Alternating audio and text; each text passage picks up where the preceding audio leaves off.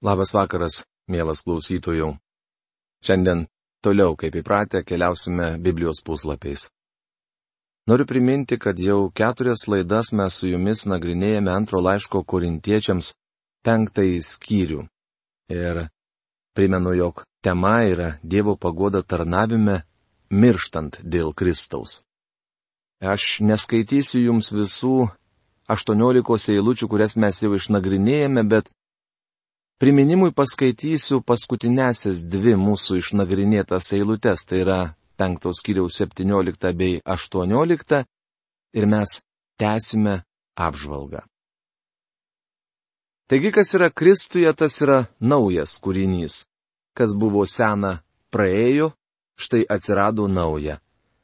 O visa tai iš Dievo, kuris mus per Kristų sutaikino su savimi ir davė mums sutaikinimo tarnystę. Antras laiškas korintiečiams, penktas skyrius 17-18 eilutės. Sutaikinimo tarnystė yra Dievo kvietimas viso pasaulio žmonėms ateiti pas jį su savo nuodėmėmis, naštomis, problemomis bei sunkumais ir susitaikinti su Dievu. Sutaikinimas du kartus pavartotas minėtoje eilutėje du kartus kitoje ir dar kartą tolimesnėje. 21 eilutėje nerandame šio žodžio, tačiau ten apibendrinama tai, kas anksčiau buvo pasakyta. Sutaikinimo tema be galo svarbi, kaip ir pastraipa, kurią dabar studijuojame. Pirmiausia, leiskite pasakyti, kad sutaikymas nėra tas pats, kas išgelbėjimas. Sutaikinimas tai žingsnis toliau. Tai daugiau negu nuodėmių atleidimas ir dieviško teisumo patenkinimas. Kas yra Kristuje, tas yra nauja kūrinyje. Pastebėkite, jog čia kalbama apie dieviškąjį sutaikinimą. Tai jis sutaikė mus. Visa tai iš Dievo, kuris per Kristų sutaikino su savimi. Tas pats pakartojama ir kitoje eilutėje. Juk tai Dievas Kristuje sutaikino su savimi pasaulį, nebeįskaito žmonėms nusikaltimų ir patikėjo mums sutaikinimo žinę. Antras laiškas korintiečiams penktas skyrius, deviniolikta eilutė. Sutaikinimas yra visiško pasikeitimo tarnystė. Kas taip radikaliai keičiasi? Dievas niekuomet nesikeičia, jis tas pats vakar, šiandien ir per amžius. Sakoma, kad Dievas sutaikino mus su savimi. Kristuje Dievas sutaikino su savimi pasaulį. Taigi matome, kad pasaulis buvo sutaikintas. Žvelgdami į pasaulį matome, kad jis eina savo nuodėmingais keliais. Kiekvienas ėjome savo keliu. Tačiau per Kristų, per jo mirtį, Pasaulis yra sutaikintas su Dievu. Ši nuostabi sutaikinimo tarnystė yra Kristaus atliktas darbas. Leiskite pacituoti kitą šventojo rašto ištrauką, kurioje plėtojama ta pati tema. Ir darydamas jo kryžiaus krauju taiką, per jį sutaikinti su savimi visa, kas yra žemėje ir danguje. Taip pat ir jūs, kurie kadaise buvote svetimi ir priešiški piktais darbais, Dievas dabar sutaikino jo žemiškojo kūno mirtimi, kad pasirodytumėte jo akise šventi, tyri ir nekalti.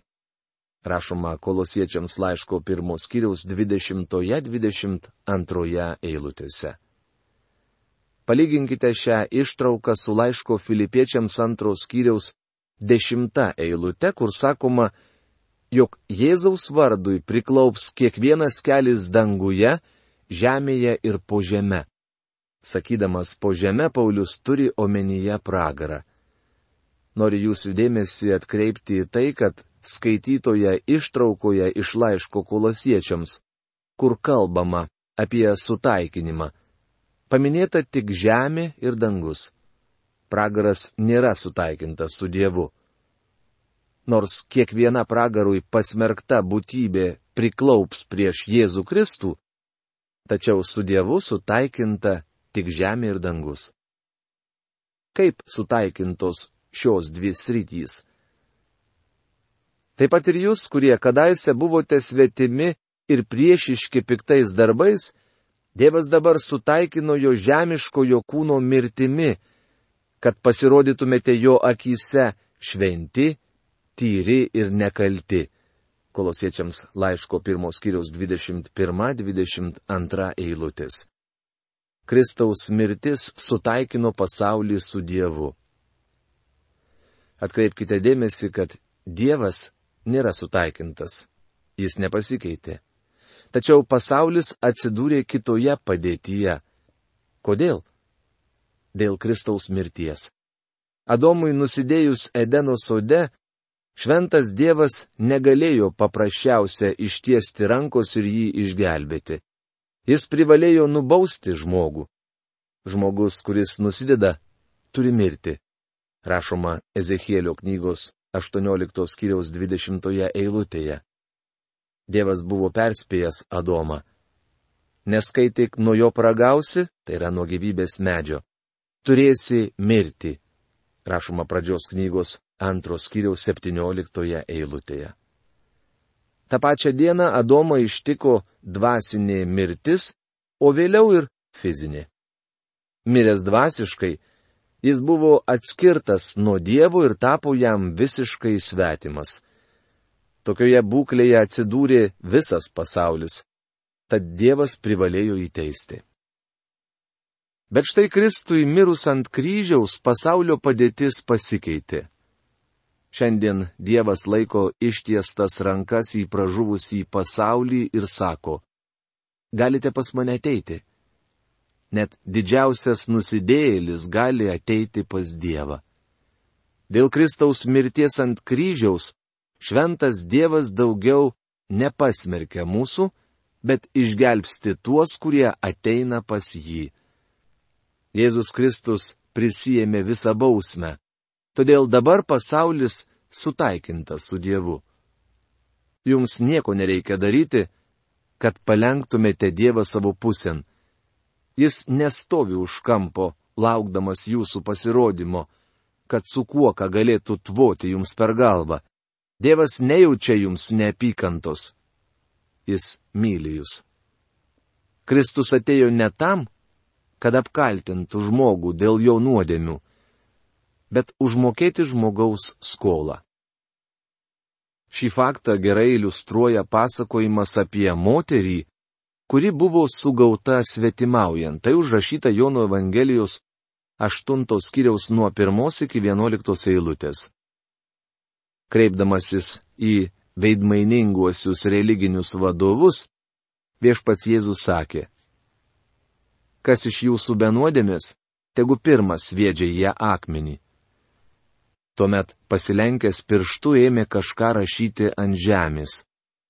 Įdomu, kad Jeremijo knygos 17 skyriaus 13 eilutėje pasakyta, tie, kurie traukėsi nuo manęs, bus įrašyti į žemę, nes jie paliko gyvojo vandens versmę, tai yra viešpati. Verčiama profesoriaus Algirdo Jurieno Biblijos vertime.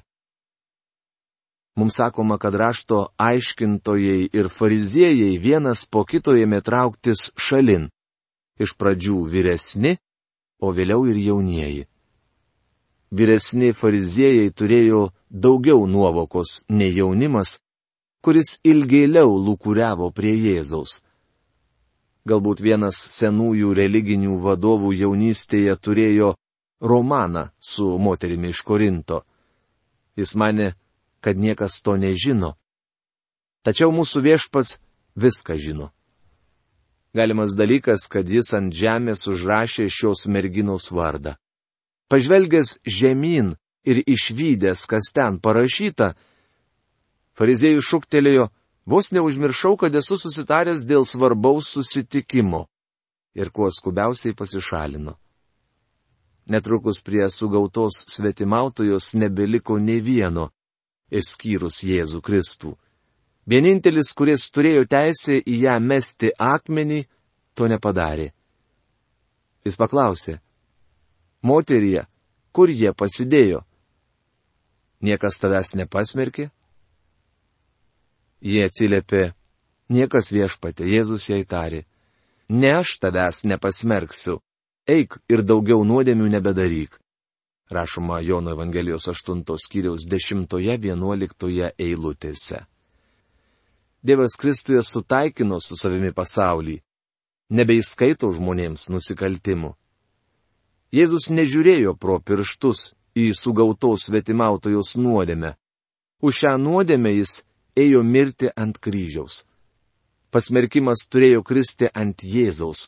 Kadangi moteris tikėjo viešpačiu Jėzumi, jis galėjo ją paleisti nepasmerktą. Taigi Kristaus vietoj einame pasiuntinių pareigas, tarsi pats Dievas ragintų per mus. Kristaus vardu maldaujame, susitaikinkite su Dievu. Antras laiškas korintiečiams penktas skyrius, dvidešimta eilutė. Kas yra pasiuntinys? Enciklopedijoje skaitome, jog pasiuntinys arba ambasadoris yra aukšto rango pareigūnas, paskirtas atstovauti savo šaliai užsienio valstybėje. Tuo tarpu čia rašoma, kad mes esame Kristaus ambasadoriai. Mes gyvename svetimoje šalyje, Petras tvirtina, kad šioje žemėje esame ateiviai ir praeiviai. Paulius teigia, o mes esame dangaus piliečiai ir iš jo mes laukiame išgelbėtojo, viešpaties Jėzaus Kristaus. Užrašyta Filipiečiams laiško trečios skyriaus dvidešimtoje eilutėje. Kadangi mes dangaus piliečiai, šioje žemėje esame ambasadoriai arba pasiuntiniai. Jei viena valstybė siunčia savo ambasadorių į kitą, vadinasi, abi valstybės sieja draugiški santykiai. Dievas vis dar draugiškai elgesi su šiuo pasauliu. Jis pasiuntė mus kaip savo ambasadorius. Vieną dieną Dievas pašauks savo pasintinius namo. Tuomet prasidės teismas. Žmogui nusidėjus šventas Dievas nusigrėžė nuo pasaulio. Tačiau jis taip mylėjo pasaulį, kad atsiuntė savo vienatinį sūnų mirti ant kryžiaus. Dabar Dievas gali laikyti ištiestas rankas į pasaulį ir kviesti, jūs galite ateiti. Mes esame jo pasiuntiniai, tad turime kartoti žmonėms. Dievas gali ir nori jūs išgelbėti. Žmogui te reikia pas jį ateiti. Dievas nemėgins jums atkeršyti. Jis nenori jūsų bausti ar skriausti. Dievas kviečia pas save viso pasaulio žmonės. Ši diena ypatinga. Mes turime privilegiją raginti jūs, susitaikinkite su Dievu. Aš kalbu jums, radio klausytojai. Dievas iš jūsų prašo tik vieno - atsigręžti į jį, visiškai nepriklausomai, kur jūs gyvenate. Nejaugi tai viskas? Kaip tai gali būti? Taip yra todėl, kad Kristus iškentėjo ir viską atliko už mus. Ant jo didi rūstybė krito, kuri pasaulį į bedugnę nugramzdintų. Jis kentė tai dėl išrinktų, todėl jame per amžius bus saugu. Dievas sutaikintas.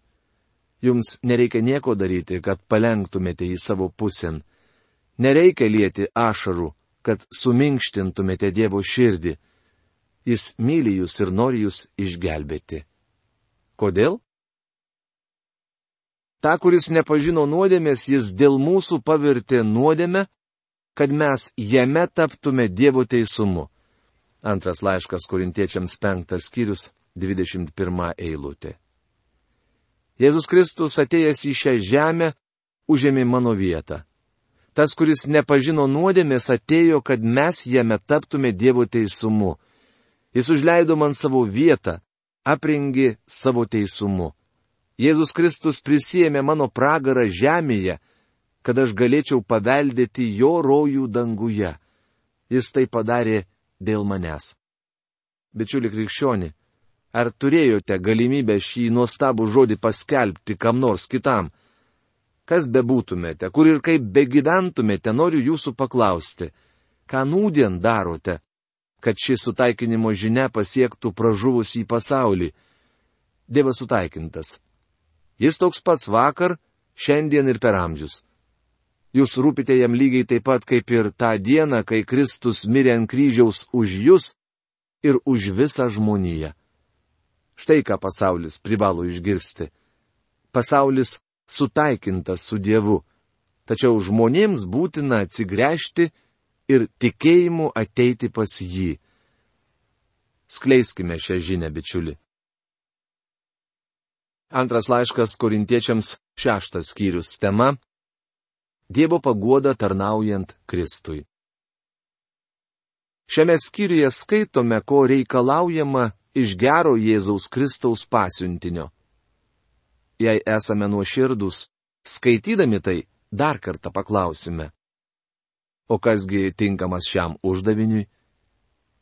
Ne vienas iš mūsų negalime atitikti šių aukštų standartų tačiau noriu atkreipti jūsų dėmesį, jog mes vis dar studijuojame tą laiško dalį, kurioje Paulius kalba apie Dievo paguodą.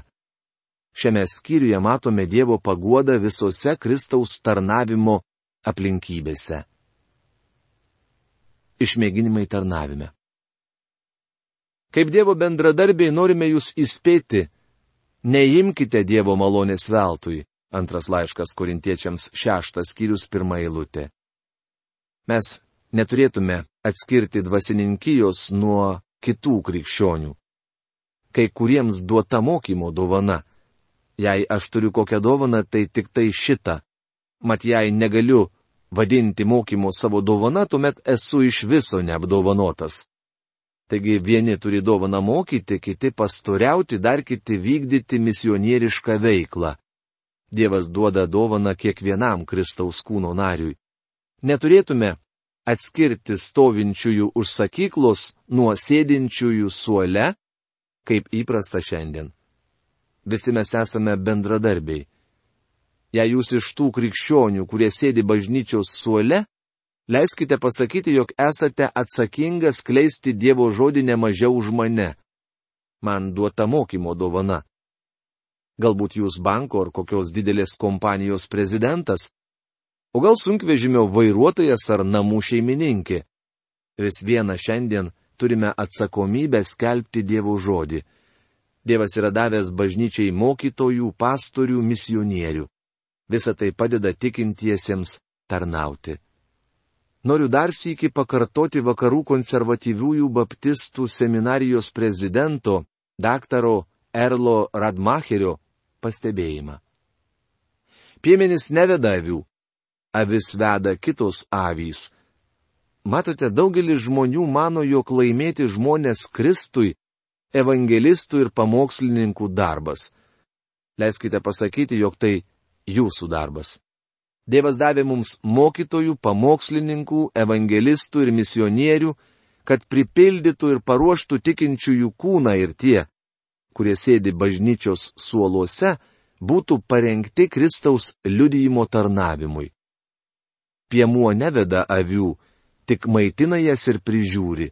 Jis gano vis, bet jų neveda. Paprasčiausiai negali to padaryti. Avis veda avys. Šiandien bažnyčios darbas apmiręs, nes avys neliudija Kristaus.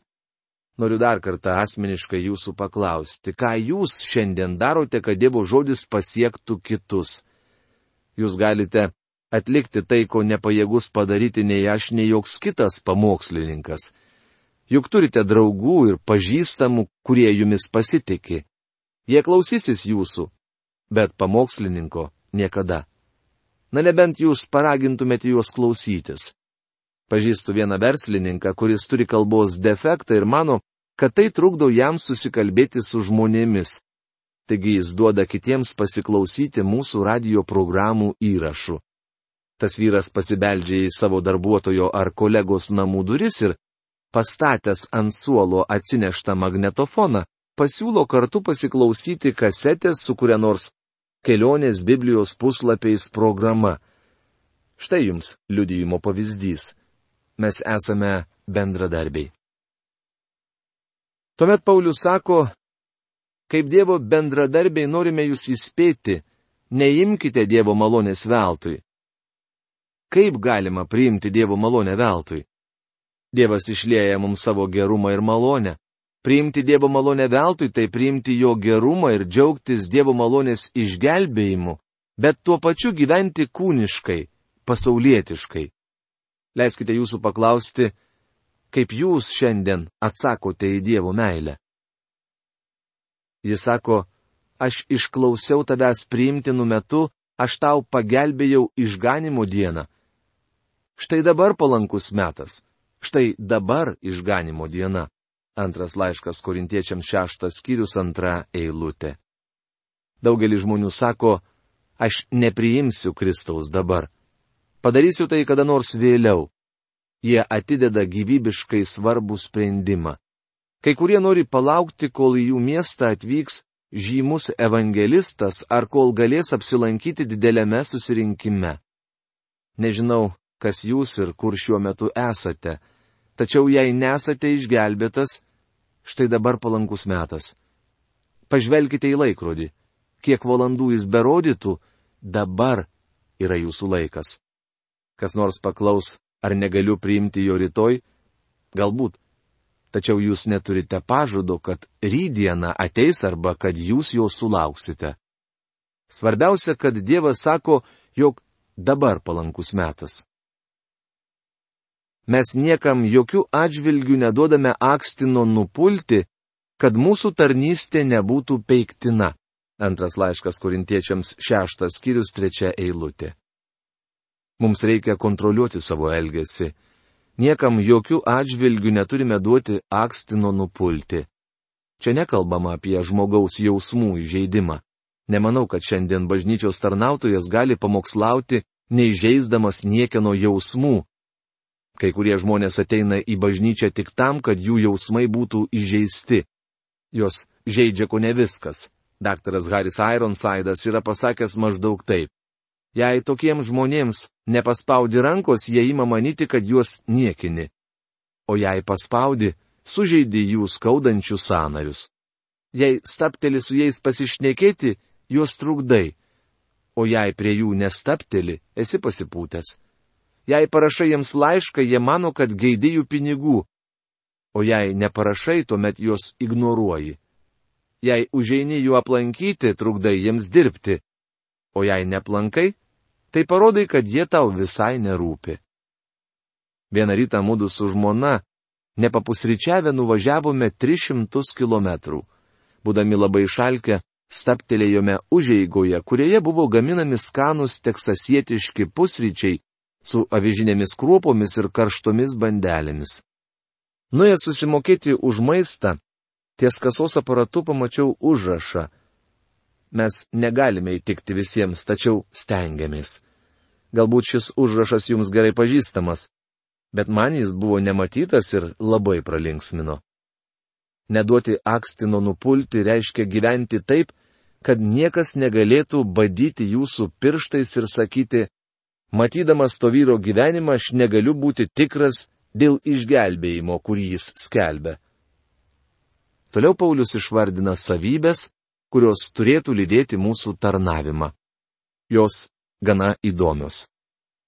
Bet apie jas mes nagrinėsime jau kitoje mūsų laidoje, o šios dienos laikas baigėsi. Iki malonaus sustikimo. Sudė.